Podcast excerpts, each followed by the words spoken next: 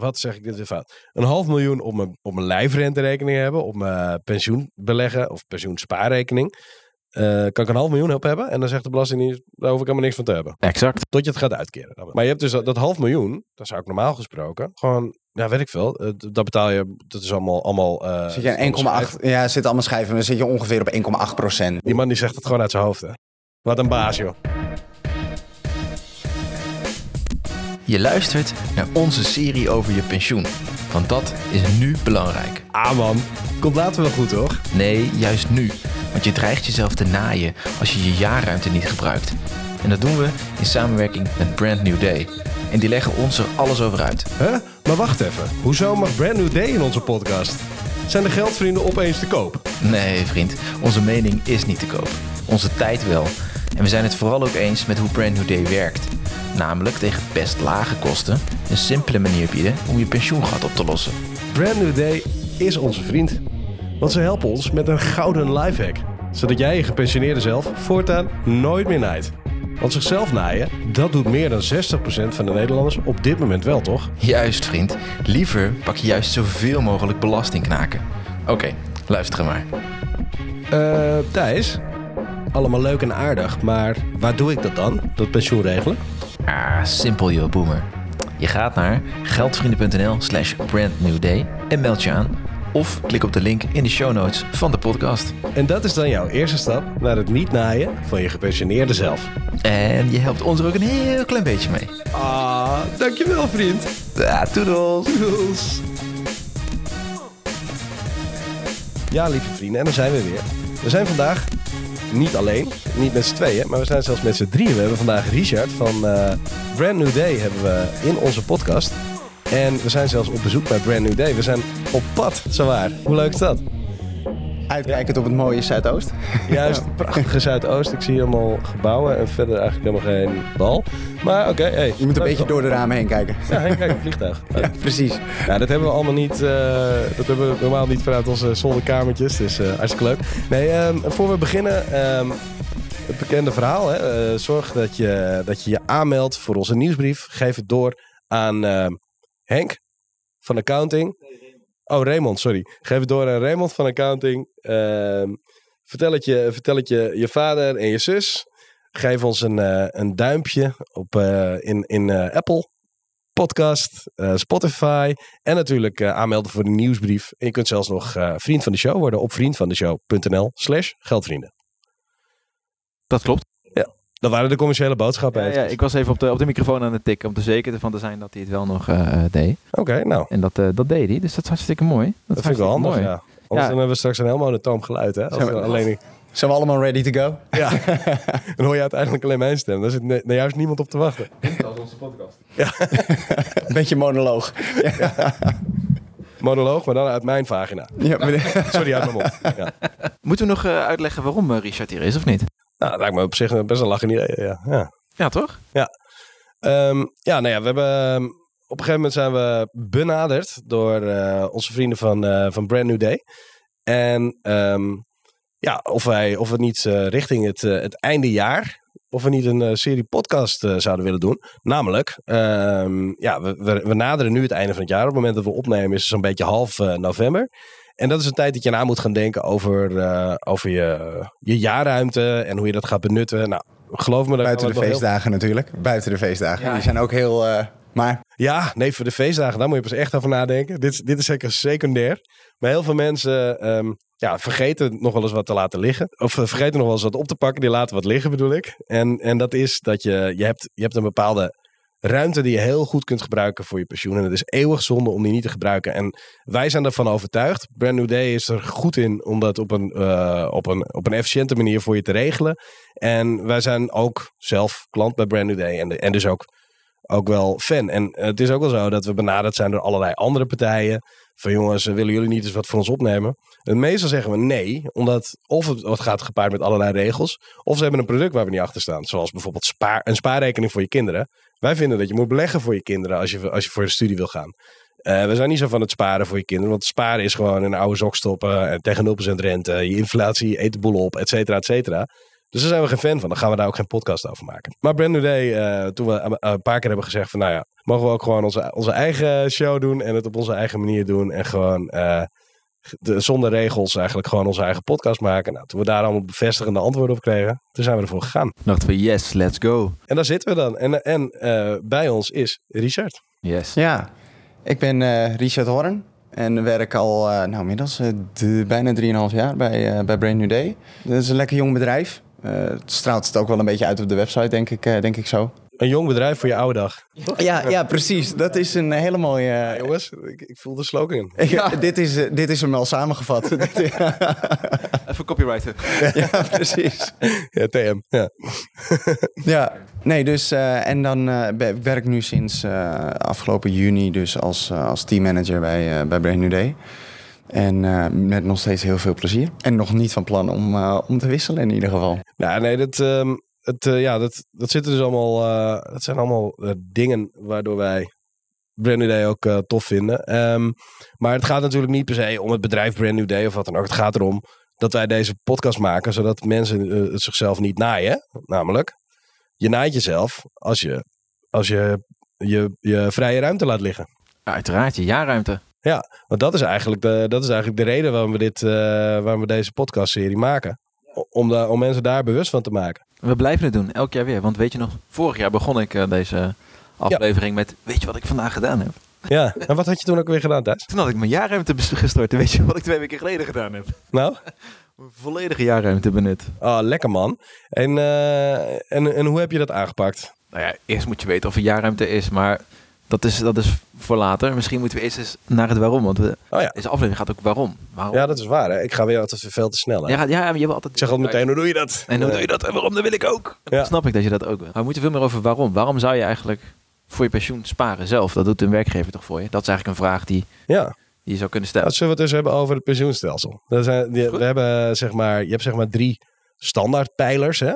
Ehm, maar de Nibud heeft bijvoorbeeld de schijf van vijf uitgedacht. En dat is eigenlijk best wel heel nice. Ehm, Dat is met, de, met, de, met melk, en brood. Ja, zeker. Dus eh, je moet vooral veel eh Yakult drinken en dan komt alles goed. Nee, maar eh, bij pensioenstelsel heb je eh, drie pijlers. Hè? En ik kijk ondertussen Richard een beetje angstig aan of ik het goed ga vertellen. Tot zover gaat het goed. En de, eh, de standaard pijlers is zeg maar je, ehm, ja, je AOW.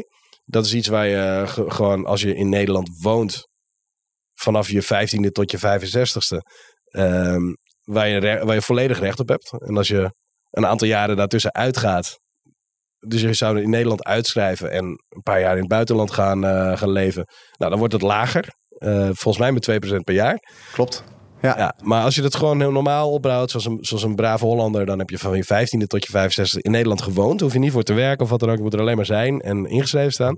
Kleine, heb- kleine correctie. Sorry dat ik al meteen Nee, in het begin... eh, maar eh, nee, hij is van eh, 18 tot, eh, tot 68 nu. Zeg maar voor, Oh, ja? mijn, voor mijn leeftijd, van alle mede 26-jarigen, is de AOW-leeftijd verhoogd. Dus, de, dus ook de AOW, be- de, de, be- begin van opbouwen, zeg maar, is van 18 tot 68. Oh, oké. Ja, dat is nieuw, hè? Dat, dat Ja. was 15 tot 65. En dat, maar inmiddels is dat ook op. Het is, het is altijd gewoon 50 jaar, eh, want Ja. 2% per jaar. Dus 50 jaar opbouwen en dan gewoon vanaf de AOW-leeftijd eigenlijk naar beneden. Maar als je dat dus eh, hebt gedaan, je hebt van je 18e tot je 68ste hier straks gewoond. eh, dan heb je je AW. Dus dat is je pijler 1. Nou ja, dat is een, een bedrag van. Dat is een, nou ja, dat is iets. Dat is een laag, laag inkomen, maar het is in ieder geval een inkomen. Ja. Ehm, je hebt mensen die leven ervan. En je hebt ook veel mensen die hebben dan daarnaast nog wat. En dat is natuurlijk het werkgeverspensioen. Is dat pijler 2 dan? Weet ik niet. Wat is, is dat? Ja, Ja, dat is eh, pijler 2. ja. Ja. Ja, u is al goed ingelezen. Dat, eh, Ja, het werkgeverspensioen. En als je dus voor een werkgever al die tijd werkt, dan betalen die eh, voor een deel je pensioen. En dan is het de vraag of ze dat geheel betalen. Vaak is het maar voor een deel. Nou, daar komen we dan straks nog wel op. Ehm, en dat is dan een aanvulling op je pensioen. Ehm, en dan heb je nog de derde pijler. En dat is eigenlijk waar, eh, waar, we, het- waar we het nu over gaan hebben. Als je dus zeg maar, je, je hebt je je hebt je werkgeverspensioen niet volledig benut. Bijvoorbeeld omdat je, Een leaseauto hebt? omdat je een leaseauto hebt. dat, zijn, dat is een hele bijzondere, want dat weten een heleboel mensen niet. Ja, daarom Dus begin ik vind ook ja, ja, ja, precies. Dus iedereen die een leaseauto heeft, die moet nu alvast scherp zijn. Ja, nee, je mist wat als je het niet gebruikt. Ja. Die moet je pakken. En dan heb je, maar ook als je bijvoorbeeld, als je werkgever niet 100% van je pensioen volstort. En dat is ongeveer bij iedereen zo, behalve als je bij APG werkt, de pensioen, uh, pensioen uh, uh, uitvoerder van het ambtenarenberoepspensioen, ABP. Ja. Als je bij APG werkt, dan heb je waarschijnlijk wel 100%. Behalve misschien als je een ik zou het toch nog even checken. Ja, precies. Of als, je, of als je de schoonmaker bent. Maar um, als je daar werkt, dan misschien wel. Maar de meeste werkgevers die bouwen niet 100% op van het maximaal op te bouwen pensioen. Dus daar laat je misschien ook nog wel wat liggen. Um, en het kan zijn dat je bijvoorbeeld zelfstandig bent, zoals ik. Dan bouw je helemaal geen werkgeverspensioen op, want dat ben je zelf. Ja. zelfstandige zonder pensioen, ZZP'er. Yes. Dus AOW, werkgeverspensioen en de derde pijler is je wat je zelf opbouwt. Ja. Oké. Ja, Ja. daar komt... eh daar Dat is ook komt, een naam. eh, En daar, daar kom ik eh, om de hoek kijken. Ja, dat is ehm, het aanvullend pensioen. Lijfrente wordt het wel genoemd. Of banksparen. Vooral die laatste twee termen die worden echt giga door elkaar heen gebruikt. Ehm, de ene noemt het lijfrente, de andere banksparen. Het is allemaal hetzelfde. Het is, het is allemaal voor het aanvullend pensioen. Ehm, en eigenlijk heb je nog een beetje een soort van vierde pijler erbij. Want dat is gewoon je spaargeld namelijk. De meeste mensen Ja, tellen dat niet echt mee. De schijf van vijf, toch? Ja, we zijn Ja. er nog niet. Hè? We zijn ja. pas Oh, we gaan... Oké, dan, ga, dan dan ga ik nu iets... eh, nu dan loop ik iets eh, voor. Gaan we afmaken, toch? Daar gaat hij alweer voor. Nee, maar je hebt gelijk. Spaargeld is natuurlijk schrijf 4. En dat kan ook gewoon toch? zijn. Ja, vermogen. En vermogen kan spaargeld of wij zijn daar natuurlijk veel meer van eh, dat je voor de lange termijn liever niet spaart, maar belegt. Nou, dat is eigenlijk hetzelfde. Dat is gewoon je eigen centen die niet vaststaan op een uh, lijfrenterekening, maar op je belegging of spaarrekening. Of uh, ja, wat ook een, vorm van, uh, ook, ook nog, wat je ook nog kunt doen, is bijvoorbeeld je huis extra aflossen. Dat kan ook nog een extra, dat is niet een vorm van inkomen, maar wel daardoor je uiteindelijk ook minder nodig hebt naar je pensioen. Of op een andere leeftijd. Dan ga je natuurlijk steeds minder uh, lasten hebben. En uh, dan heb je nog de vijfde schijf, die verklap ik ook maar vast. Langer doorwerken. Als je, gewoon, als je ervoor kiest om gewoon te blijven werken. Ja. Is dat echt een schijf? Nee, nou ja, dat is bij, bij Nibud is, die heeft hem echt zo gedefinieerd. En dat komt omdat als je er zeg maar voor kiest om, om uh, een beetje te blijven werken. Al, al ga je maar één keer in de week voor je beweging een krantenwijk lopen. Dat is toch wat inkomen. Dan verdien je wat. Nee, en, uh, en of je gaat een keertje achter de bar staan bij, uh, bij je favoriete amateurclub. Of ik noem maar eens wat. Weet je, wel? Uh, je krijgt een vergoedingje. Maar je kan ook gewoon een dagje in de week blijven werken. En heel veel mensen vergeten dat ze ook de mogelijkheid zouden kunnen hebben. om op een zestigste al te stoppen. En dan twee dagen te werken of drie Ja, dagen te Daar gaan we het ook nog over hebben, toch? Min, Ja. eerder, stoppen, uh, Ja. met Dus er minder werken, langer doorwerken. Er zijn allerlei vormen rondom, het, rondom de standaard. Waar, wat goed is om over na te denken. Laat het daar in ieder geval op houden. En, uh, maar voor, die, voor de derde schijf, de, de lijfrenteopbouw. Dat is eigenlijk degene waar je, waar je natuurlijk richting het, uh, het einde van het jaar moet over, over moet gaan nadenken. Ja, ja, waar, waar ik de vorige keer al van heb ge- gezegd dat je eigenlijk dom, je zegt dat je gek bent als je hier niet gebruik van maakt van het fiscale voordeel wat je erop uh, pakt. Ik zou, zeg, ik zou zeggen, uh, als, je, als je dat inderdaad niet doet, dan ben je ja, dan naai je jezelf. dat, uh, want ja, het, het is er. Dus waarom, uh, waarom pak je dat niet? En ik heb nou nog nooit iemand ontdekt of gesproken uh, die zei van nou, ik wil voor mijn lol uh, die extra belastingcenten afdragen. Ja. Die, die moet ik nog tegenkomen. Dus wat dat betreft, ja, waarom niet, uh, waarom niet de jaarruimte benutten? Ja, misschien is het handig om, om, te, uh, om te vertellen hoe wij, en dat hebben we in onze podcast al eens in een eerdere aflevering ook al verteld, hoe wij eigenlijk op het plan zijn gekomen om, uh, om zelf ook hier, hiervan gebruik te gaan maken. Oh ja, en dat heeft een, een uh, volgens mij hebben we daar een gezamenlijke historie. Ja, zeker. Ja. ja zeker. Dat wat ik kan doen, ja, ja want, ja. want uh, ja, in, mijn, in de allereerste aflevering van de Geldvrienden over hoe wij vertellen dat wij ook maar prutsers zijn. Inmiddels vind ik dat niet dat we echt nog prutsers zijn, maar we doen maar wel wat, maar we weten we echt wel wat. Uh, toen hebben we verteld over dat ik bij een, een start-up ben gaan werken, waar Jeroen ook werkte, wat geen start-up was, maar wel dezelfde eigenaar was. En er was geen pensioen voor ons geregeld. Um, en ik kreeg op dat moment ook een aanslag van mijn fysiotherapeutenpensioen, waarbij waar je blijkbaar in één keer verplicht moest aan deelnemen. Dus ik moest 18 maanden met terugwerkende kracht terugbetalen. En dat had ik als jochie niet. En uh, toen ben ik me dus gaan inlezen in, uh, ja, hoe werkt dat eigenlijk? En waarom is een pensioenbeleggingsrekening het beste? En nou ja, dat heeft, daar heeft Jeroen ook geleerd uh, waarom pensioenbeleggen, waarom dat eigenlijk een, ja, soort van no-nonsense ding is om gewoon op te pakken. En ja, nou ja, ik kwam er toen, toen achter dat die, toen ik daar al ja had gezegd tegen mijn salaris. dacht ik, nou, best een prima salaris. Hartstikke goed zelfs. Ik vond het, ik vond het in ieder geval op dat moment was een mooie stap omhoog. Ik kwam dan ook van een startersfunctie bij Bink. Waar het salaris misschien niet zo geweldig was, zeg maar. Maar daar was wel pensioen. En toen kwam ik daar en toen dacht ik, nou mooi, ik ga x procent omhoog. Uh, maar wat ik, dus, wat ik dus niet wist, en dan kwam ik pas bij salarisstrook 1 of 2 achter. dacht ik, hé, hey, wacht eens even. Er mist iets. Waar is, ja. waar is mijn pensioenopbouw? Waar heb ik eigenlijk pensioen? Dus ik ging dat vragen. Dus nou, dat doen we niet aan. Wij zijn een bedrijf met een, uh, met een uh, beleggers DNA. En wij regelen ons eigen pensioen. Wat verder echt helemaal geen gek idee is. Maar het is wel handig om te weten op het moment dat je ja zegt tegen een bepaald salaris. Want ja. je mist dus eventjes dat je baas meebetaalt voor je pensioen. Oftewel, ik moest gewoon uit mijn salaris, moest ik pensioen gaan opbouwen. En uh, nou, allereerst ben ik toen teruggegaan en heb gezegd, ja, als ik dit had geweten, had ik geen ja gezegd. Dus uh, ik zou er wel eens wat bij willen. Toen kreeg ik meteen de opmerking van, nou, wie, ik ken niemand die binnen twee jaar, twee maanden salarisverhoging komt vragen. Ik zei, nee, dit is geen salarisverhoging. Dit is gewoon iets wat ik over het hoofd heb gezien. Gelukkig heb ik toen wat extra gekregen. En dat geld ben ik toen ook meteen gaan investeren in mijn, uh, in mijn lijfrente, pensioen, opbouw. Banksparen, noem nog een paar namen. Ja, ben ik toen gelukkig wel meteen mee begonnen. Maar uh, ja, het is vrij makkelijk om dat dus het hoogte te zien. Maar in mijn geval was het zo dat ik dus helemaal geen pensioen op, opbouwde. Dus het viel me ook echt op. Ja. Ik zag het gewoon omdat ik dacht, hé, hey, hier ontbreekt iets. Uh, maar wat ook veel mensen hebben, is dat ze dus gewoon niet genoeg opbouwen. Ja. En dan dus ook niet erover nadenken. Dus ik, ik, ik, kwam, ik kwam hier achter en toen ben ik eerst, ben ik volgens mij een keer een Rabobank ingelopen om te vragen hoe je dat oplost. En toen vertelden ze het verhaal en toen dacht ik, dit kan volgens mij efficiënter. En toen dacht ik, ik heb wel eens van Brand New Day gehoord. Toen ben ik naar, naar Brand New Day gegaan. Um, en uh, dat, was, dat is gewoon qua kosten wat, uh, wat aantrekkelijker, zeker toen al. Want we praten dus over 2011 of zo.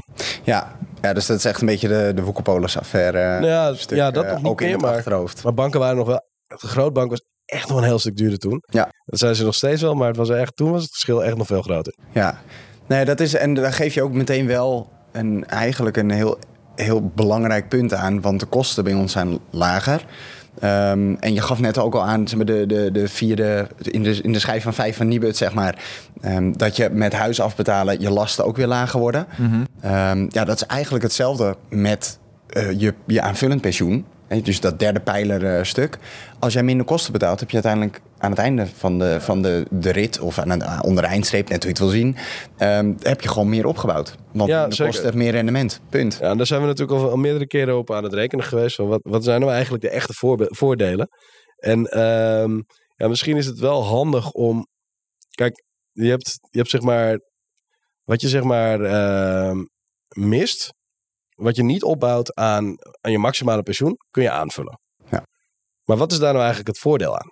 Dat is wel handig om dat. eh om dat En, en hoe kun je dat doen, toch? Dat zijn uh, twee uh, verschillende Ja. dingen. Ja. Ja, het is als je, als je ervoor kiest om, uh, om dat dus in het, in het aanvullend pensioen op te lossen. Hè, want dat met het belastingvoordeel eigenlijk. Um, dan is het een kwestie van eh, stap 1, überhaupt weten dat je jaarruimte hebt. Ja. Dus je moet die gaan berekenen. Nou, daar staan eh, meerdere tools op internet, zo ook op onze website. Uh, waarin je gewoon je, je bruto inkomen invult. Uh, eventueel opbouwen in het collectief pensioen. En daar komt een jaarruimte uit. Punt. Je hebt gewoon twee cijfers nodig, die vul je in, je klikt op berekenen. En er komt, een, uh, er komt gewoon een bedrag uit. Ja. Nou, dat is je jaarruimte. En dan kan je ervoor kiezen om dat bedrag, wat je aan jaarruimte hebt, te storten. Gedeeltelijk of in zijn geheel. Het ligt er net aan wat je, wat je kan missen ook en wat je ook Ja. wil missen. En op het moment dat je dat stort, ja, dan stort je dat, staat het op een rekening en, en wij doen de rest. Ja, En uh, hoe het belastingvoordeel, ja, dat is uh, invullen in inkomstenbelasting. En uh, of het wordt door ons gedaan of je moet het zelf doen. Het ligt er net eventjes aan. Um, en dan, dan heb je het belastingvoordeel gehad. Ja, en dat is dus, dat is dus super, super nice natuurlijk. Want je, nou, stel je hebt, ik noem maar wat, 1000 euro jaarruimte. Je stort dan die 1000 euro, die heb je, als je die over hebt hè, op je, in je leven. Nou, laten, we daar, laten we daar dat even voor het gemak en uh, heel positiever zou zijn, laten we dat aannemen. Dat je die 1000 euro ook echt daadwerkelijk kunt investeren. Maar die, die stort je dan op de rekening bij een, uh, een instelling zoals Brand New Day. Hè. Er zijn natuurlijk ook nog, uh, nog andere mogelijkheden om het te doen. Maar, en dan, dan krijg je dus van de belasting, krijg je, omdat je het uit je bruto salaris doet, krijg je, de, de, krijg je dat, mag het belastingvrij uh, sparen. Dus dan krijg je van de belasting krijg je een aftrekpost erbij. En dan krijg je dus op ergens in mei of zo, uh, als, je, als, de belasting je, als je je belastingaangifte helemaal hebt gedaan, krijg je, nou ja, af- afhankelijk van wat je aan belasting betaalt, maar zeg maar een procent of 40, eh 37, whatever. Ja, maar krijg je normaal. Dat idee, eh, ja, een beetje die... eh, die maar dat schijf. geld, die 1000 euro, die staat nog steeds op die beleggingsrekening. En eh, die staat gewoon, die begint met renderen. En die gaat, als het goed is, in de loop van de tijd steeds iets meer waard worden. En dat gebeurt niet met eh 630 euro, wat je zou doen als je eerst belasting betaalt. Maar met de hele 1000 euro. Nou ja, daar heb je dus het, daar heb je dus het voordeel aan dat je eigenlijk die, dat, dat geld hebt teruggekregen van, van de Belastingdienst. Dus je, je, hebt, je, hebt, je hebt maar 600, zoveel, 630 euro betaald. En je hebt er 1000 op je rekening staan. Nou, heb je deze. Dus dat voordeel, dat heb je dus al. En daar hoef je in principe weinig voor te doen. Want Ja. kwestie van storten. Ja, dat is een kwestie van storten. En dat gaat dan, ja, dat wordt dan, eh, dat, dat wordt dan in, eh, in wereldwijde beleggingsfondsen eh, gestopt. Kun je kiezen voor een, voor een bepaalde verdeling, aandelen, obligaties.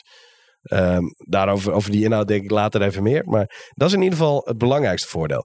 Maar dan zul je ook zeggen, van nou ja, prima. ehm, maar wij willen misschien wel op ons vijftigste proberen te stoppen. En dan staat je geld wel vast tot je 68ste. Ja. Dat is natuurlijk best wel nadelig, want je kan het niet als je het gewoon op je beleggingsrekening zou doen of op je spaarrekening, dan kun je het gewoon op je vijftigste ook echt gaan gebruiken.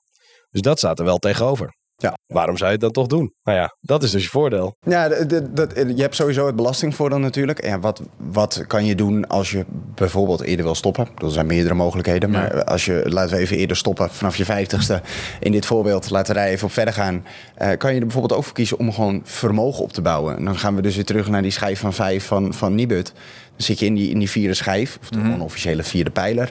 Eh, als jij gewoon zelf vermogen opbouwt, het zij op een beleggingsrekening, het zij op een spaarrekening, dat kun je wel gewoon vrij opnemen. Want dat is van jou. Eh, Daar zitten verder geen fiscale regels aan. Je gewoon gebruiken wanneer je wil. Wil jij een auto kopen, koop je een auto van. Wil je huis afbetalen, betaal je je huis eh, af. Wat jij maar wil. Ehm, en daar, die kan je gebruiken, of die rekening moet ik eigenlijk zeggen, die zou je dan kunnen gebruiken om dat stuk te overbruggen van 50 tot, eh, tot 68 bijvoorbeeld. Als ik het even omdraai voor onze luisteraars ook die een beetje de fire mindset hebben of de hot eh, dingen. Eigenlijk is zo'n eh, maakt het niet zo maakt het niet heel veel uit wanneer je dat wil eh, hebben. Je, de totale pot moet gewoon voldoende zijn om dat stuk te kunnen overbruggen. Je kunt zeg maar 200 euro wisselen per maand. En je bent 30. Nou, dan ga je tot je 50ste ga je die 200 euro ga je, ga je inleggen op je, op je, op je lijfrenterekening. Mhm. En dan kom je er op je 50ste achter dat je een eh, goed gevulde lijfrenterekening hebt. Maar niks om mee, op, eh, niks om, niks om mee, eh, mee te gaan eh rendementenieren. Niks om, niks om mee te stoppen. klopt. Je to- totale pot is eigenlijk... Het is vooral een soort scheve verhouding in die, in die lijfrente. Dus het heeft allebei zo zijn voordelen. Ja. Je, kan, je kan zeg maar, het is eeuwig zonde om die belastingvrije aftrek te laten liggen. Ehm, omdat dat gewoon, ja, dat is gewoon, is gewoon een, nou ik zal niet zeggen dat het een cadeautje is, want je betaalt uiteindelijk hetgene wat de werkgever niet meer bereid is om te betalen om je pensioen vol te storten. Zoals vroeger de echt goede pensioenen waren. Dat heb je gewoon eindloonregelingen. Oh ja, ja, ja. Ja, eindloonregelingen, Ja. dat soort dingen. Dan kreeg je dus op basis van je laatste salaris kreeg je, weet je, dan had je al die anciëniteit opgebouwd en ieder jaar kregen we het bij. En dan zat je zo'n gouden kooitje bij een, eh, bij, een, eh, bij een bankverzekeraar of zo. En dan kreeg je op het laatste, je, vanaf je laatste salaris kreeg je dat je, waar daarop je pensioen gewoon gebaseerd. Gewoon oh, we trekken dat laatste salaris gewoon door. Dat is, dat is gigascheef natuurlijk. Ja, dat is hartstikke scheef. Maar ja, dat, dat hebben sommige mensen dus wel. Nou, dat is niet meer zo. Heel vaak is het, is het eh, pensioen een heel stuk kariger geworden. Omdat het natuurlijk gewoon veel duurder is geworden om pensioen op te bouwen. Dekkingsgraden zijn laag, al dat soort dingen. Ja. Maar ja, hetgene wat je dus kunt aanvullen, zou je moeten aanvullen. Maar het is wel zo dat je ook een beetje ruimte moet houden. Om wel ook je. Dus je moet eigenlijk, wat mij betreft, een beetje alle, allebei doen als je Ja. een kans krijgt. Ehm, om, om, om wel. Om je ook dezelfde kans te geven om, eh, om wat eh, flexibeler om te gaan met je, met je geld. Nou, dat is ook wel, want daar geef je natuurlijk ook wel een belangrijk punt. Dat je, dat je, je moet flexibel zijn met, met, met, je, met je geld. En Ja. dat, is, dat is ook heel fijn. Ik weet ook, eh, ik heb wat podcast van jullie geluisterd. eh, en Yes. Daar gaf je ook, ja precies, jullie hebben geldvriend bij. Ehm nee, op het moment dat je, eh, je, je kan natuurlijk kijken naar fin- financial independent, dus financieel onafhankelijk, vanuit het oogpunt van nou, als ik maar meer verdien dan dat eruit gaat, dan eh, ja, leef ik onafhankelijk, want dan hoef ik geen leningen, et cetera. Mhm. Je kan natuurlijk ook financieel onafhankelijk bekijken vanaf het feit van ja, eh, mij kan flexibel omgaan met mijn leven, gewoon in zijn algemeenheid. Ik heb meer autonomie, zoals jullie dat eh, Ja. hebben genoemd in, in een eerdere podcast. Ehm, dat, is, dat is ook een beetje die flexibiliteit inderdaad waar, waar je het over hebt. En dat kan ook binnen een, binnen een lijfrente of aanvullend pensioen, laat ik het eventjes zo noemen. Want je kan er bijvoorbeeld voor kiezen, wordt het wel iets technischer, maar je kan ervoor kiezen om het op een gewone beleggingsrekening te zetten. Die bieden wij ook aan bij, eh, bij Brand New Day. Ehm, daar zet je dan rekening, eh, sorry, daar stort je dan geld op. En dat, daar zit dan verder helemaal geen fiscale regels aan vast. Dat is die, die vierde pijler, zeg maar. waar Dus het is gewoon, gewoon een beleggingsrekening. Gewoon een beleggingsrekening. Ja. Daar, kan je, daar kan je die auto van kopen, je, je huis van afbetalen, et cetera. En waarom zou ik, waarom zou ik dat dan doen? Hij is, nog- nog niet klaar, joh. Als- ja, nee, maar Nou, ik ben dan altijd gewoon benieuwd van... Waarom zou ik zo'n beleggingsrekening nemen in plaats van dat ik bijvoorbeeld gewoon een rekening open bij, bij de Saxo of de Giro of, of de kosten. Daar kan ik heel, heel snel en, en eh in zijn. Dat zijn. Dat zijn vooral de kosten. Grootbanken hebben gewoon, eh, eh, zitten gewoon flink aan de kosten. Mhm. Ehm, daar hangt het heel erg af wat voor risicoprofiel je kiest bij ons en bij hen. Eh, Ja, maar dat als je, als je beheerd beleggen doet. Maar als je zeg maar, als je zeg maar gewoon zelf belegt, dan kan je het Ja. vaak wel zo met lagere kosten. Maar waar ik eigenlijk naartoe wil, is dat, is dat je, als je zelf belegt, moet je ook, moet je, moet je dus echt heel goed opletten dat je niet per ongeluk toch heel veel verborgen kosten betaalt. Je moet zelf nadenken over iets als herbalanceren. Je moet zelf nadenken over, over je, Wat ga je kopen? risicoafbouw. Welke fondsen. De, je loopt het risico dat je denkt, ik ga de markt toch proberen te verslaan met een deel van je geld. Waardoor je dus, eh, waardoor je, waardoor je dus suboptimaal belegt. Terwijl je denkt dat je het beter aan het doen bent. Ja, Dus dan moet, je, dan moet je echt je mindgame zo verschrikkelijk goed voor elkaar hebben. En er bestaat ook zoiets als een 80-20 regel. Je kan ook gewoon, als, het belangrijkste is dat je belegt. En dat het gewoon op een degelijke, verstandige, saaie, suffe manier goed gedaan wordt voor je. En dan is het misschien helemaal niet zo gek om die 0.1 of 0.2, want meer is het gelukkig niet, erbij te nemen. En, dat gewoon te, te accepteren voor, het, voor, voor je eigen errors. En dan denk ik, ja, voor de meeste mensen zou het, is het waarschijnlijk het beste plan om te zeggen. Ik ben geen, ik ben geen, eh, ik heb geen 20 jaar beleggerservaring. Laat, laat vooral iemand het doen die het wel kan. En dan, is het er, en dan hoef je ook niet erover na te denken, wat er ook voor kan zorgen dat je uitstelgedrag gaat vertonen. Je kan gewoon, dit kun je gewoon nu doen. Ja. Ik vind dat vind ik veel belangrijker, eerlijk gezegd, dan, dan die allerlaagste kosten. Want als je het helemaal zelf gaat zitten hobbyen, dan kun je het echt nog wel ergens wat goedkoper doen. Omdat je alles zelf doet. Ja, nou, laat ik voor, ten eerste beginnen met... wil je toevallig nog werken bij Brand New Day? Want dit is echt eh, Brand New Day eigenlijk in een, in een, in een notendop. Ehm, hier zitten namelijk alle facetten in die je maar bij beleggen kan meenemen. Vooral dat stukje van human error, zeg maar. Wat je gewoon eh, de- de- met, met, ehm, eh, met gevoel gaan beleggen. Zo, als ik het zo even mag noemen. Met Ja, ja. emotie, dat woord zocht ik. Ehm, wat je bijvoorbeeld heel erg zag tijdens de coronacrisis, situatie, net eventjes hoe we het willen noemen. Ehm, dat, is een, dat is een prachtig voorbeeld. Eh, ik doe zelf eh, voor mijn lol ook eh, actief beleggen, een klein deel. En daar zag ik gewoon het met 60% kelderen. Heel overdreven, dat was wel de grootste zakker hoor, moet ik zeggen. Gemiddeld zat het wel rond min 40, maar best flink. Ja. Ehm, terwijl bij Brain New Day, ik kan niet zeggen dat, dat wij geen verlies draaien. Want ik bedoel, dan, hè, wij zaten ook op een gegeven moment aan min 10 procent. Ehm, en op dat moment belde wel iedereen aan ons op van ja, ik wil graag alles verkopen. En als je dan aan ze vroeg, ja, maar waarom dan? Dan was het enige antwoord, ja, maar de markten daalden. En als je dan zo gewoon gaat meenemen van, ja, maar houd nog even vast. Eh, er was op een gegeven moment iemand aan de telefoon, die was 43. Zat- Stond op een pensioenrekening, dat moet dus vast blijven staan tot je 68ste. Nog 25 jaar om dat goed te maken. Waarom zou je het willen verkopen? Houd het vast. Eh, wat zou het mij kosten als ik op mijn 43ste zeg? Ik, ne- ik neem een fictief bedrag. Hè? Dit is niet mijn situatie, maar ik heb op mijn 43ste. Ik kan het ook gewoon met mijn situatie doen. Ik heb op mijn 43ste bij Brand New Day 35.000 euro staan. Wat nog best aan de lage kant is. Maar oké, ik heb 35.000 euro staan. Eh, ik ben 43 en ik zeg: laat maar. Ik wil, het kan me niet meer schelen wat je zegt. Ik neem het nu op. Ja, wat gebeurt er? Eh, Ja. Nou, buiten als je het überhaupt wil opnemen, echt, bedoel je verkopen of echt opnemen van de Gewoon pensioenrekening? zo zeggen: geef maar. Ik wil het gewoon, ik wil het gewoon opnemen en ik ga het morgen uitgeven. Nou, dan, dan moet je wel echt een boete betalen ook. Ja. Nou, revisierente noemt de Belastingdienst het. De- dat is 20% bovenop je inkomstenbelasting die je moet, eh, die je moet betalen. Dus je moet eerst je inkomstenbelasting terugbetalen daarover. Dus laten we Ja. zeggen 40% daarover. Dat, met 35.000 eh, zit je redelijk richting eh, de 40%. Ja, boven je op je inkomen. Het is gewoon je verzamelinkomen. Zit gewoon, komt het gewoon Ja. bovenop. Hè? Dus Ja, reken ja. maar dat het gewoon... Oh, dus waarschijnlijk komt het dan ook nog, als ik een beetje pech heb in de halse schijf. Dan betaal je dus 49,5.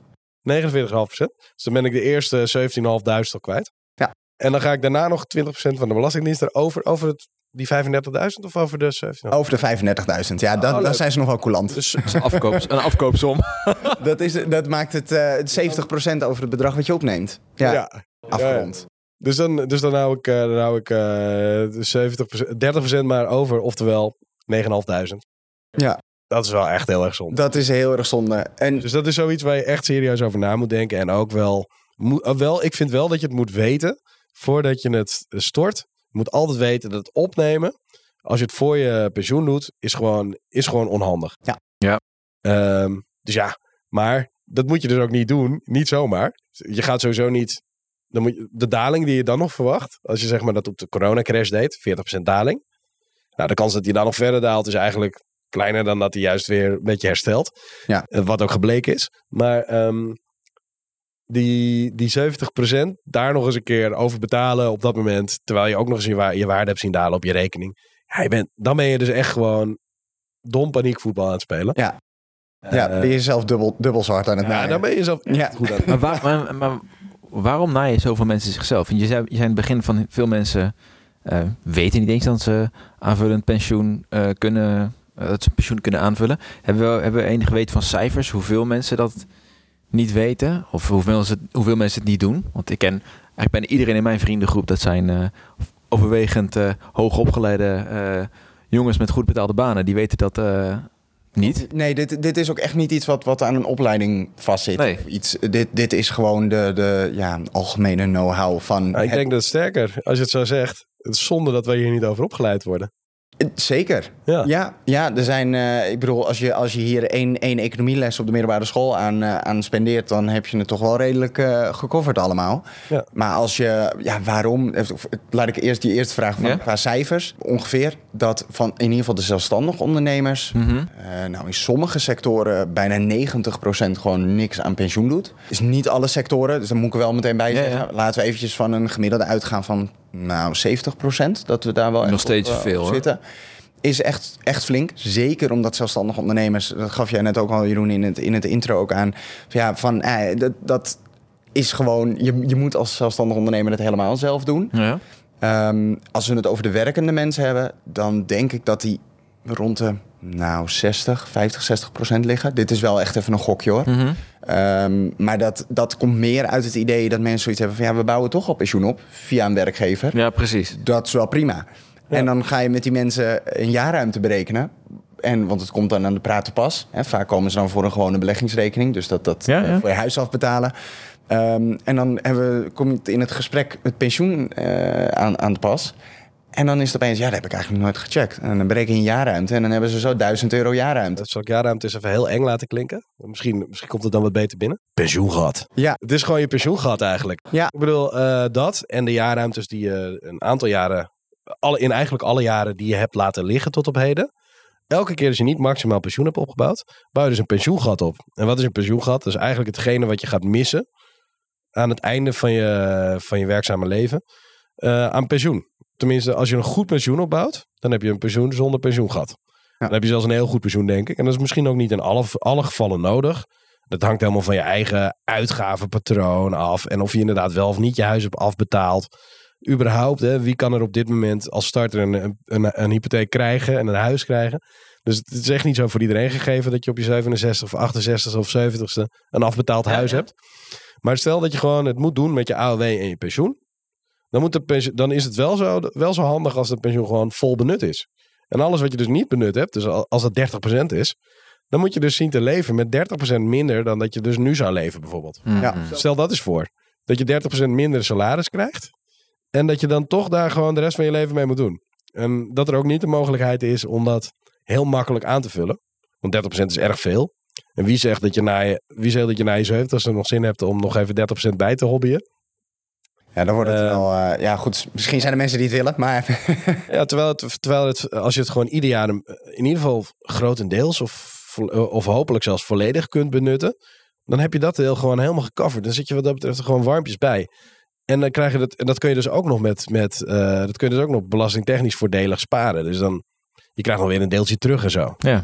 Maar Het is zonde als je het niet doet. Ja, want, dat, dat laten liggen. Hè? Want we hebben begin ook al genoemd, eh, mensen die een leaseauto hebben, hebben per definitie jaarruimte. Kunnen we, heel, kunnen we heel kort even toelichten hoe, dat, hoe die jaarruimte werkt? Weet je dat... eh, eh, kun je dat, Zeker. kun je Ja. dat goed en kort en bondig uitleggen aan onze Ja. luisteraars? Ja, eh jaarruimte is, ehm, ja goed, de, de berekening is, ik zal niet de exacte percentages geven, ehm, maar het is een percentage van je bruto inkomen. Dat is je jaarruimte. Punt. Simpeler dan dat en korter dan dat kan ik het echt niet noemen. Daar zit uiteraard een hele formule aan vast. Eh, kan ik ook toelichten, maar ik denk dat het voor nu eh, misschien voor, voor een introductie wel heel erg eh, veel is. Ehm, dat is gewoon je jaarruimte. En eh, op het moment dat je bijvoorbeeld bij een leaseauto, want dat is dan het voorbeeld wat je, wat je nam, Ja. eh, dan heb je vaak een fiscale bijtelling. Het zij eh, net eventjes, net nagelang wat voor soort auto je hebt, is dat, kan het oplopen tot 20%. Nou, als je dan die, die fiscale bijtelling, daar wordt, dat wordt gezien door de Belastingdienst. Die auto wordt gezien als loon in natura. Mhm. Dus moet je gewoon inkomstenbelasting over betalen, want het is loon. Ja. Daar hebben ze die fiscale bijtelling voor. En die wordt gewoon bij je bruto inkomen opgeteld. Dus even een heel concreet voorbeeld. Om Ja. even, even, even met cijfers eh, te benadrukken. Ik heb een bruto inkomen van 50.000 euro. Eh, dat zou een jaarruimte betekenen van om en nabij 5.000. Mhm. Ehm, stel, ik heb een auto van Brand New Day gekregen van een ton. Laten we het even makkelijk houden. Ehm, en daar, daar val ik... Ja, daar, eh, daar- ik hoop daar nog steeds op. maar ehm, maar die, die 20 eh, over die ton is dus 20.000 euro. Dat zou dus betekenen dat mijn bruto inkomen voor de Belastingdienst 70.000 euro is. Maar mijn eh, collectief pensioen is alleen maar gebaseerd op mijn daadwerkelijke loon. Namelijk die 50.000 euro. Dus je hebt gewoon per definitie dat, dat gat van die 20.000 euro. Daar is nooit iets aan pensioen over berekend. En hoe, hoe kom je daarachter? Als ik, als, ik, eh, als, ik naar, als ik dat wil uitrekenen voor mezelf.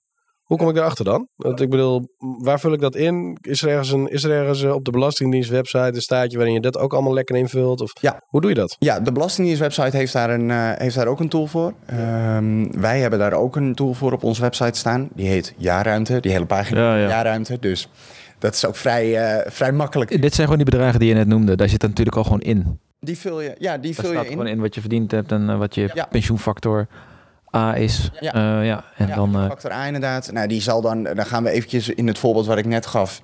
Ben ik die leaseauto, die, die, die komt daar dus ook gewoon... Die vul je automatisch. Dat- Je ziet vanzelf dat je dat moet invullen? Of? Ja, wat je, je je pakt eigenlijk, als je je jaarruimte pakt, Ja. of wil berekenen, sorry, dan pak je gewoon je definitieve inkomstenbelasting. Oké. Dus ik geef altijd gewoon bij mensen aan, joh, pak gewoon die inkomstenbelasting, definitieve inkomstenbelasting, die je waarschijnlijk ergens in juli, augustus hebt gekregen. Ja. Juli, augustus is een beetje eh, het moment waarop je dat terugkrijgt. Het gaat om het jaar ervoor, toch? En het Ja, ja. gaat altijd, inderdaad, daarom dus de inkomstenbelasting, omdat je daarin gewoon de definitieve, bela- eh, sorry, definitieve bruto inkomen ziet van het voorgaande jaar. In dit jaar dus 2020. Eh, en vul dat bedrag gewoon in op onze website en klik op berekenen, want, want that's it eigenlijk. Ja, want eh, dit jaar is, gaat mijn jaarruimte dus over het eh, jaar 2020. Ja. Terwijl we, we leven in 2021. Maar Ja. 2021 is nog niet af. Dus je betaalt.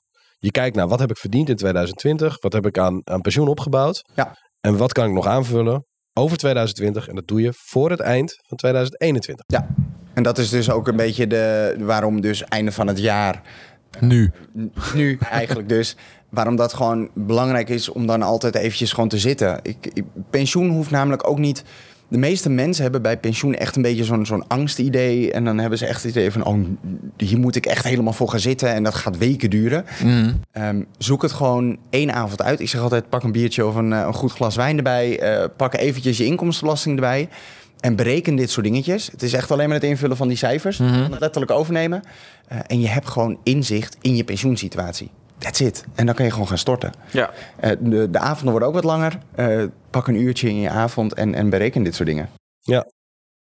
En Ja, dan weet en dan- jaarruimte en, en, en stort dan. Want dat, dat is de volgende stap. Ja, want je hebt nog iets anders naast jaarruimte, toch? Wat wil je... wat- Nou ja, als je op een gegeven moment erachter komt voor... Oh kut, dat heb ik zeven jaar niet gedaan. Ja. Dan mag je tot zeven jaar terug, toch? Ja, Mag je, klopt. je- mag je de jaarruimte van de vorige jaren... Kun je ook uitzoeken. En dan zou je, als je, dat, als je die niet volledig benut blijkt te hebben... Omdat je denkt, huh, ik heb al die jaren een leaseauto gehad... Of ik, ik blijk helemaal niet de 100% pensioen te hebben gekregen van mijn opdrachtgever. eh, werkgever. Sorry, het spijt het bij normale mensen. Dat zijn mij. Maar nou, dan kan je die alsnog benutten. Maar ja, wat, wat ik eh, in een andere podcast er een keer over hoorde, was dat, dat iemand dat zit te uitrekenen. Die zei, fuck, ik heb 40.000 euro reserveringsruimte. Hoe de fuck ga ik dit nou, uh, hoe, hoe, de fuck ga ik het betalen? Niemand houdt 40.000 euro over in een jaar. Niemand heeft dat gewoon op zijn rekening staan. Nou ja, bijna niemand. maar dat is toch gewoon, dat is heel veel. Dat, uh, normaal gesproken betaal, hebben mensen dat niet gewoon nog even liggen. Maar dan, wat uh, gelukkig daar in dezelfde podcast ook uh, verteld werd, is dat uh, het gaat om zeven jaar terug. Dus volgend jaar is het weer zeven jaar terug. Je kan, als je alleen maar dat allereerste jaar van die zeven, dus zeg maar van 2020 tot 2013, Ja. en alleen 2013, alleen die jaarruimte kun je als reserveringsruimte dan nog erbij benutten. Ja. En dan kan het wel dat je het kan betalen. Dan is het misschien uh, drie of vijfduizend euro. Dat is heel wat anders dan 40. Dat is nog steeds veel geld. Maar Mhm. Als je dat toevallig wel hebt, uh, kunt besteden, ja, dan is het slim om daar dan in ieder geval voor te gaan. Of je gaat in ieder geval voor een deel ervan. Ik bedoel, gebruik je er 2000 van, heb je in ieder geval wat minder laten liggen. Ja, je hebt, en je hebt een deel van je pensioentekort uh, heb je bijgevuld uh, of aangevuld. Maar je hoeft dus in ieder geval niet die hele 40.000 te pakken. Dat is, dat is Nee. wel, dat is wel echt daunting anders. Sterker nog, dat, dat, dat mag ook niet. En nu gaan we dan nou gaan we wel echt naar fiscale wet en regelgeving hoor. Ja. Daar zitten gewoon echt maximums aan. Ja, je mag maar iets van 7000 euro, eh, geloof ik, storten hè, in Ja. één jaar. Ja, 7400 nog iets voor dit jaar. Het is 74 Per jaar een een beetje. beetje, maar ik rond hem af naar beneden.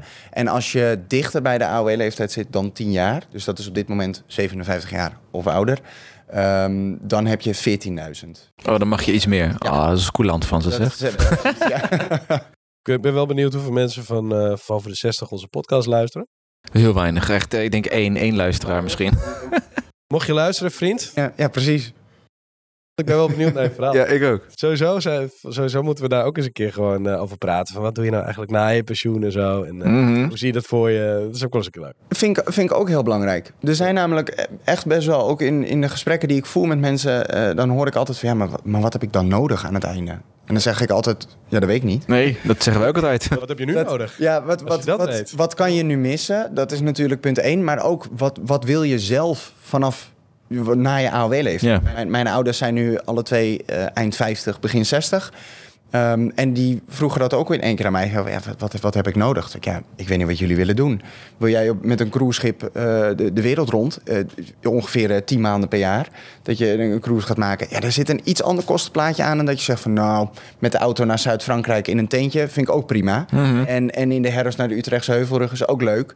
Daar zit een heel ander prijskaartje aan. En dat geeft dus ook aan hoeveel geld je nodig hebt vanaf, vanaf AOW-leeftijd. Dus dat Ja. is zeker iets om, om daarin mee te nemen. Het is net zoals in je gewone leven. Uiteindelijk om allemaal wel. alles wat je uitgeeft. En, en dat is echt voor iedereen weer anders. Het is zo grappig hoe dat eh, verschilt. Ja. Kunnen we nog één... Ik, ik wil nog één keer dus aan dat rekensommetje maken. Voor eh, mensen die eh, eh, denken van waarom moet ik nou pensioen beleggen? We zeggen telkens belastingvoordeel. Oké, maar welk belastingvoordeel? En ik wil ook even... Dat heb ik de vorige keer ook gedaan met Jeroen. en Vanochtend ook nog even in de trein. Eh, er is namelijk een bepaalde... ehm, ja, hoe noem je dat? fallacy? Ja, een felbaarheid in, in het denken. Dus we denken dat als we... ehm, als je nu met een bruto belag, eh, be- bedrag mag beleggen... en daar dus nu geen belasting over betaalt... dat je dus meer... en dan rendement, dat je meer rendement kan maken... en op het eind van de rit meer overuit. Ja. Maar dat is niet zo. Omdat... En dan ga ik in. Wacht, wacht luister, luister. Want daar zit de aan. Ik maak een aanname. Ja, ik maak een aanname. De, de eerste aanname is dat eh, we gaan even uit van een rendement van, eh, van 10% op de, in beide situaties, bruto en netto. En we gaan even naar eh, eh, de situatie dat we 40% belasting aan inkomsten betalen. Dus dat de schijf hetzelfde is. Gewoon voor het gemak van het rekenen. 40%, 10% rendement. Ja. Whatever. Dat Dus zijn allemaal aannames. Ja, dat zijn allemaal aannames. Dus we, gaan, eh, we hebben 1000 euro. En die 1000 euro gaan we bruto eh, mogen die beleggen. En we gaan 10% rendement maken. Dan heb je aan het eind van de rit heb je 1100 euro op die rekening staan. En dan moet je belasting betalen. Dat is 40% van 11 euro. eh, eh, 11, eh, 1100 euro is 660 euro. Dat is dan wat je overhoudt. Maar stel dat je dan vooraf belasting betaalt. Vooraf betaal je dus die 40%. Dus dan is het niet 1000, maar dan is het 600 euro wat je inlegt. En dan maak je 10% rendement. Je voelt hem aankomen, hè? Ja, dan wel. Dus dan is hij 660. Ja. Maar het, het, het geval wil, en dit is dus. En dit is het trucje, is dat je. Je hebt twee trucjes eigenlijk. En de, de, de grootste is niet eens wat ik nu ga zeggen. Want als je een, de AOW-leeftijd hebt, dan heb je een lagere tarief voor je inkomstenbelasting. En pensioen wordt gezien als inkomstenbelasting. En dat is echt nou, factor 2, zou ik zeggen. Dus je gaat echt twee keer minder aan inkomstenbelasting betalen. Dus maar 20% aan inkomstenbelasting. Ja, wacht even. Dus wat je, wat, je gaat heel Ga ik snel? Ga ik weer veel te snel? Ja, nou, wat, wat ik even nog even Let's heel go. kort wil benadrukken, is dat je hebt zeg maar, op het moment dat je dus echt met pensioen bent, dan, krijg je het, dan laat je het gaan. En dan begint het uitkeren van de pensioen wat je hebt Ja. opgebouwd. Dus je hebt een opbouwfase en een uitkeringsfase. In de uitkeringsfase, dan zeg je van nou, kom maar op met het pensioen. Delen we over, ja, ik noem maar eens wat, eh 20 20 jaar. en eh, je hebt een ton opgebouwd. En, dan krijg je, en stel je doet het helemaal precies ieder jaar gewoon een twintigste. krijg je gewoon 5000 euro per jaar. En dan zegt de Belastingdienst, dat is mooi. Je hebt 5000 euro verdiend. Dan gaan wij belasting overheven. Ja. Heffen. Ehm, dus dat is dan... En dan zegt de Belastingdienst, ja, maar dat- omdat je met pensioen bent, krijg je een lager tarief. Dus je betaalt niet 40%, maar 20%. Ja. Of in- momenteel is dat volgens mij 19. Ja, 19, komma zoveel. En daar zit de winst. Maar de Ja. echte truc is wat mij betreft op het moment dat je... Zeker onze geldvrienden, onze, onze lieve luisteraars... Die zijn al gewoon financiële eindbazen. En die hebben vaker wat vermogen. Op het moment dat je wat vermogen hebt... Dan is alles wat je gestopt hebt in een pensioenproduct... Om het zo even te noemen... Ja. Is vrijgesteld van de vermogensrendementsheffing. En dat is, laten we zeggen... Ja, ik mocht van Ik Jeroen... kan gewoon, een- jij zegt nu, ik kan gewoon een half miljoen op mijn vermogensrendement- eh, vermogensrekening hebben. Nee, sorry. Ja, dat kan. wat zeg ik dit weer fout? Een half miljoen op mijn, op mijn lijfrenterekening hebben, op mijn pensioen beleggen of pensioenspaarrekening. Eh, kan ik een half miljoen op hebben en dan zegt de Belastingdienst, daar hoef ik helemaal niks van te hebben. Exact. Tot je het gaat uitkeren. Dan- Maar je hebt dus dat, dat half miljoen, dat zou ik normaal gesproken, gewoon, ja weet ik veel, eh, dat betaal je, dat is allemaal, allemaal eh, Zit je aan 1,8? Ja, zit allemaal schijven. Dan zit je ongeveer op 1,8 procent. Die man die zegt het gewoon uit zijn hoofd, hè. Wat een baas, joh. Gemiddeld genomen voor de vermogens tot een miljoen is het volgens mij 1,34 procent of zo. Of 1, Dat kan dus, hè. Er zijn best veel mensen die eh, uiteindelijk, niet aan het begin, maar uiteindelijk vijf ton op hun eh beleggen. oh, zeker. pensioenrekening hebben staan. Maar Dus die, dus die, die bijna 2%. Dat is heel veel. Ja. Want, want de, de, de, de truc is, dit, dit, dat ene voorbeeld van net met die 10%, dat gaat over één jaar.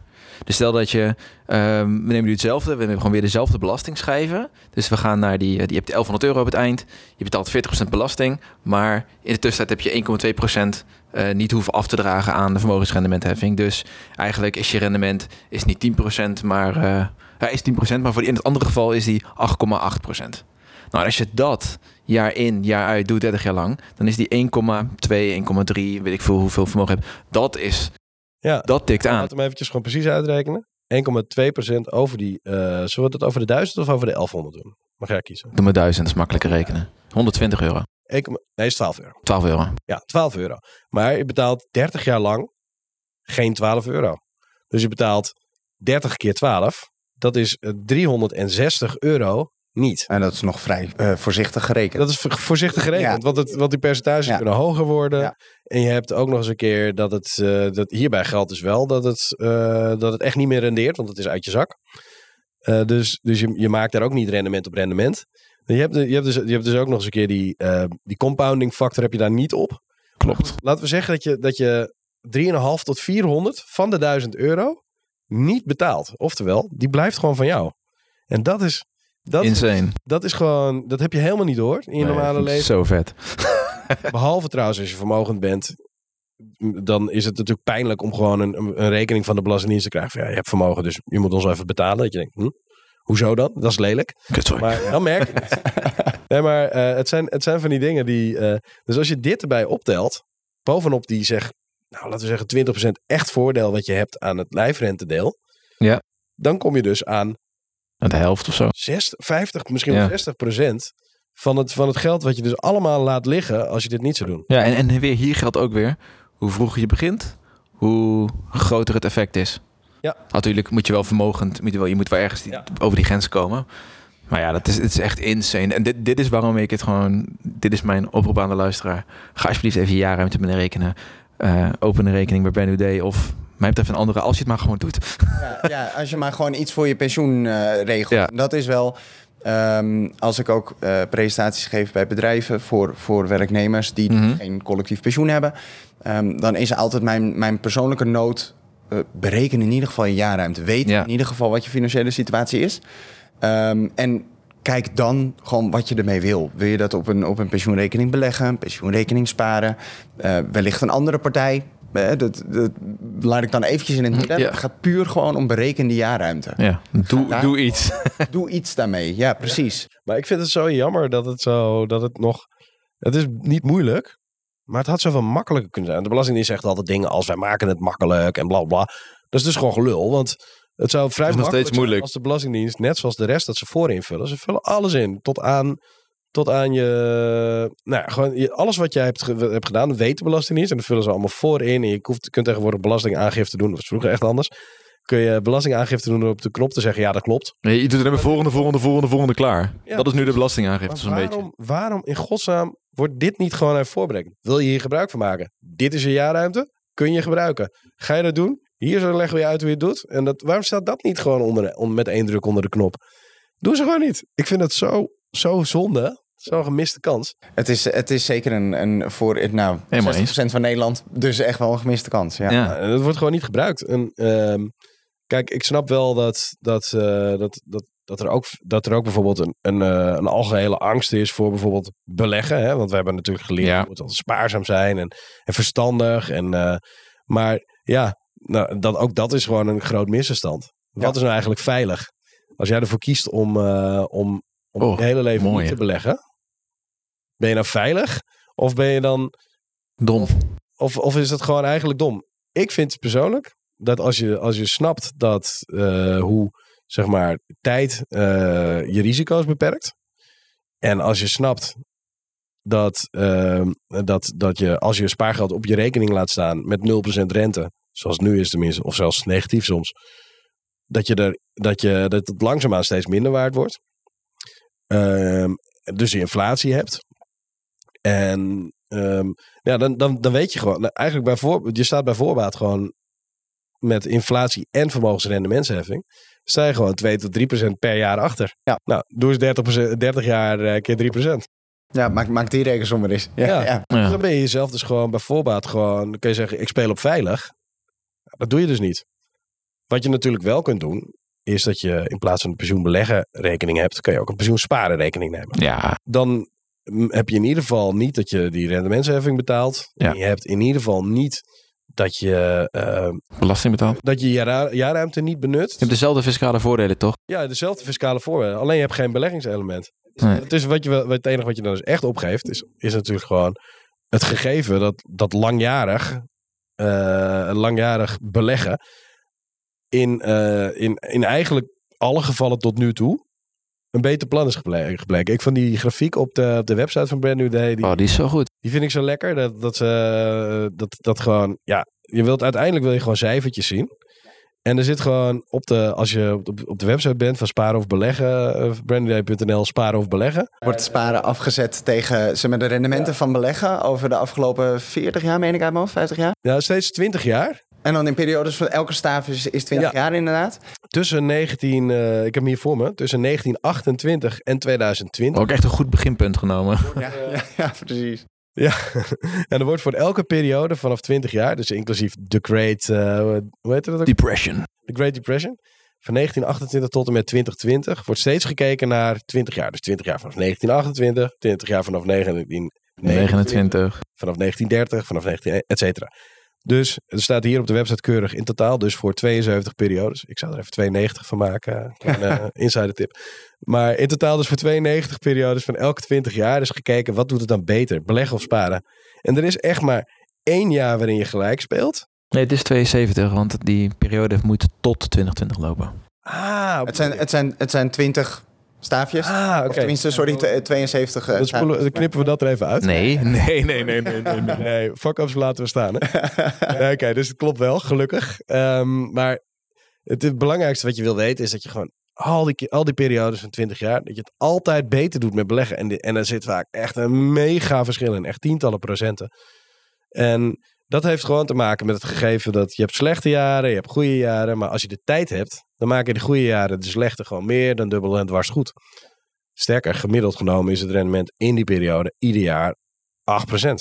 Ja, dit is een, Dat ga je met, met sparen natuurlijk niet halen. Nee, dit is wel een, een, een grafiek of een, of een plaatje, een, een website, net hoe je het wil noemen, webpagina, eh, die het echt wel heel erg goed doet. Want dat geeft mensen inderdaad gewoon inzicht in, in percentages, in, in wat, er, wat er gebeurt, wat ook het verschil is. En het wel echt, daar zitten wel belangrijke voorwaarden aan. En ehm, nou goed, wellicht dat in de volgende van deze drie luiken terugkomt, die, die spelregels. Klein Abs- absoluut. De sluier is, eh, ging wel vanuit. Ehm, een klein tipje van de sluier daarin is wel gewoon je, je rust bewaren. Dus het voorbeeld eigenlijk wat ik, wat ik eerder gaf met de mensen die, die in alle stress opbelden tijdens de coronacrisis situatie eh, met, met een daling van 10%. Ja, keep your cool. Weet je, probeer gewoon altijd die lange termijn in de gaten te houden. En niet van deze eh, persoon die 43 was. Ja, je hebt nog 25 jaar. Dus laat Ja, Jeroen. het lekker staan. Ja, Ja, nee, je- kijk, ik, ik, zeg- ik gaf mijn eigen voorbeeld. Maar eh, mij zou het niet gebeuren. Ik, zei, ik, ik denk juist, oh lekker. Daar hebben we het toen ook nog een keer over gehad. Lekker, 40% eraf. Lekker bijstorten. ja, Ja, Ja. lekker knallen. En dat eh, moet je dat geld wel hebben staan. Maar het is, het het moment om even lekker wat, eh, eh, wat bij te storten. Als je het hebt, is juist dat moment. Sterker, als je, als je kunt inleggen op een, op een rekening. Want pensioen, je hoeft natuurlijk niet te wachten tot het einde van het jaar. Ik kan het ook in, in half februari al doen. Als een, of in dit geval was het maart of zo. Maar als in maart de beurs met 40% onderuit gaat. Misschien is dat wel het moment dat je je, lijfrente inlegt. Het is alleen wel zo dat je dan de markt aan het timen bent een beetje. ja. Dat is de Eh, volgende valkuil. Maar dat moet er niet altijd op wachten. Maar als je er toch van plan was en je hebt het toch liggen. En je ziet de markt een keer 30% onderuit duiken. Dan kun je er misschien zelfs nog voorbel- voordeel aan, aan behalen. In ieder geval is het zo dat je het gewoon ieder jaar moet doen. Juist. Absoluut. Ja? Ja. Dus dat is denk ik ook de oproep aan de, aan de luisteraar. Ik denk, voor, voor mij betreft hebben we de, alle onderwerpen die we wilden hebben, hebben we nu eh, gehad. Ik denk als we nu doorgaan, gaan we door in het, we in het hoe. Ja. En ik heb nog wel heel veel vragen over, eh, daar, daarover, maar die zijn veel te technisch voor nu. Dus mijn oproep eigenlijk nu aan de luisteraar is, ga even naar eh, een website, laten we zeggen Brand New Day, om je jaarruimte uit te rekenen. Pak je eventjes je inkomstenbelasting, je definitieve inkomstenbelasting aangifte erbij. En waar vind je je factor A? Eh, oh ja, je goeie, je factor A. Dat vind je, eh, ja, dat ligt eraan hoeveel pensioenuitvoerders je hebt. Maar eh mijnpensioenoverzicht.nl eh, geeft, log je in op mijn, met, met DigiD. En die geeft al je, je, alles waar jij je pensioen hebt opgebouwd, geeft hij weer. En dan kun je vervolgens daar allemaal inloggen. Eh, ik heb bijvoorbeeld eh, twee of drie pensioenuitvoerders gehad. Pensioenfonds Zorg en Welzijn van mijn ziekenhuisperiode. En bij Philips het Philips Pensioenfonds. En dan kan ik daar inloggen. En dan krijg ik het, eh, het uniform pensioenoverzicht. Download ik dan van het gegeven jaar. En er staat dan eh, pensioenfactor factor A. Staat er ergens op. Ctrl F op eh, factor A. Hij, sta- hij staat That's it. eh, de ene laatste of de laatste pagina. Ja, in zo'n kadertje. In zo'n, blokje inderdaad. Het is vaak het ene laatste of het laatste blokje. Ehm, en soms, sommige eh, aanbieders die doen, hebben daar ook gewoon echt een apart tapje voor. Oeh, dat is wel goed dat ze dat Het staat gewoon in mijn gegevens of mijn overzicht of hoe ze dat dan ook noemen. En dan, Ja. dan heb je gewoon een apart tapje met de benaming factor A. En daar staan ze dan terug tot, tot wanneer je daar eigenlijk aangesloten Ja, wanneer je begonnen bent met eh Ja, en voor bouwen. de, voor de ondernemers onder ons, of de ZZP'ers, eh, dan wordt het wat lastiger, want dan moet je het doen op basis van je jaarcijfers. Maar dan, dan, eh, als, je een, als je een boekhouder hebt, wat best een goede kans is als je, als je een eigen bedrijf hebt, ehm, laat die dat gewoon berekenen. Die, hebben, die, hebben daar, die kunnen dat heel goed. En het mooie is dat je, je hebt vaak uitstel op uit. Heel veel ondernemers doen over het jaar 2020 pas aangifte in 2022, nog niet eens in 2021. Maar op zich is dat niet zo'n ramp. Want je kan natuurlijk dan weer gebruik maken van die reserveringsruimte. Maar vraag het in ieder geval aan je boekhouder om daar ook iets mee te doen. Ze zijn er niet dol op om het te doen. Want het is vaak in veel boekhoudpakketten best lastig. Maar ik zou het wel gewoon doen. Want je bent dus eh, ook juist als, eh als ZZP'er is pensioen je, je grootste uitdaging. Ja. Ehm, omdat je zelf, eh, ja, je moet, je moet er een bepaalde. Je moet er wel echt de drive voor hebben om dat echt op te willen bouwen. En je moet het ook uit je, uit je besteedbare inkomen halen, misschien wel. Ja. Maar je moet er wel van gaan, want, want anders dan sta je straks echt beteuterd toe te kijken hoe al die eh, mensen die hun hele leven voor een baas hebben gewerkt, het veel beter voor elkaar hebben straks. Ehm, dus je moet het als, als ondernemer ook doen. Vraag het gewoon je boekhouder. Je hebt er geen haast mee, want, want, want eh, reserveringsruimte is ook je voordeel. Maar je moet het wel echt even een keertje doen. Ja, absoluut. En, en dat is ook eigenlijk wat ik, wat ik ook eerder ook aangaf. Eh, neem een eh, goed glas wijn of een, of een biertje bij. En, en als je boekhouder het niet wil doen... want hè, er zijn ook gewoon boekhouders die zeggen... ja, hier heb je mijn cijfers. Of Ja. hier heb je je cijfers eigenlijk. Eh, succes. Eh, ja, ook dan is het te doen. Eh, kunnen ze ook met ons bellen, ook geen probleem. Mailen mag ook. Maar dan, het, het is daarin gewoon wel zaak dat je een avond... eh, en al is het maar een uur, twee uurtjes... er even voor gaat zitten. Want het hoeft, het, het klinkt complexer eh, dan dat het is. Ja, en exact. pensioen aan zich heeft al heel erg de, de gedachte met de rilling over de rug en de angst en dat soort dingen. Maar dat hoeft helemaal niet. Nee. Nee, dat denk ik ook niet. Dus het is allemaal, uiteindelijk is het allemaal niet zo spannend. Maar je moet, je moet wel dat cijfertje paraat hebben. Ja. Om, te, om, de, om, te- om ergens te kunnen beginnen. Juist. Pak dat glas wijn. Neem dat glas bier. Deze, op, eh, deze aflevering ging, eh, ging eigenlijk alleen maar over waarom zou je het doen. Eh, en het, en het, we gaan natuurlijk nog veel meer verder in op eh, hoe. Op hoe we het eh, gaan doen. En hoe, hoe regel je pensioen een beetje goed. Dat is de volgende afle- aflevering over pensioen. Ik kijk er nu al naar uit. Zeker. Juist. En nu allemaal de, de duimpjes omhoog, sterretjes op vijf. Vertel het aan je buurman, je buurvrouw. Eh, nog een keer aan Raymond, maar misschien degene die naast Raymond zit van HR dit keer. Dat is wel leuk. En eh, oh ja, we hebben ook nog een nieuwsbrief. Die is niet heel actief, maar het is dan wel leuk als je je aanmeldt. Ja, zeker. En eh, Richard, hartstikke bedankt, hartstikke bedankt dat je even wilde praten met ons. Ik vond het leuk. En Jeroen, jij ook weer. Zoals altijd naar die mooie kop van je zitten kijken. Ja, ik wou dat ik hetzelfde kon zeggen, maar wel bedankt voor de... ja, bedankt. Dank. Brand New Day is onze vriend. Want ze helpen ons met een gouden lifehack. Zodat jij je gepensioneerde zelf voortaan nooit meer naait. Want zichzelf naaien, dat doet meer dan 60% van de Nederlanders op dit moment wel, toch? Juist, vriend. Liever pak je juist zoveel mogelijk belastingknaken. Eh, Thijs? Allemaal leuk en aardig, maar waar doe ik dat dan? Dat pensioen regelen? Ah, simpel joh, boomer. Je gaat naar geldvrienden.nl slash brandnewday en meld je aan. Of klik op de link in de show notes van de podcast. En dat is dan jouw eerste stap naar het niet naaien van je gepensioneerde zelf. En je helpt ons er ook een heel klein beetje mee. Ah, dankjewel vriend. Ja, toedels. Doedels. Lieve geldvrienden, jij bent verantwoordelijk voor je eigen keuzes. Wij proberen je alleen te helpen aan een betere mindset over geld. Zodat jij ook een financiële eindbaas kan worden. De inhoud mag op geen enkele wijze opgevat worden als financieel advies.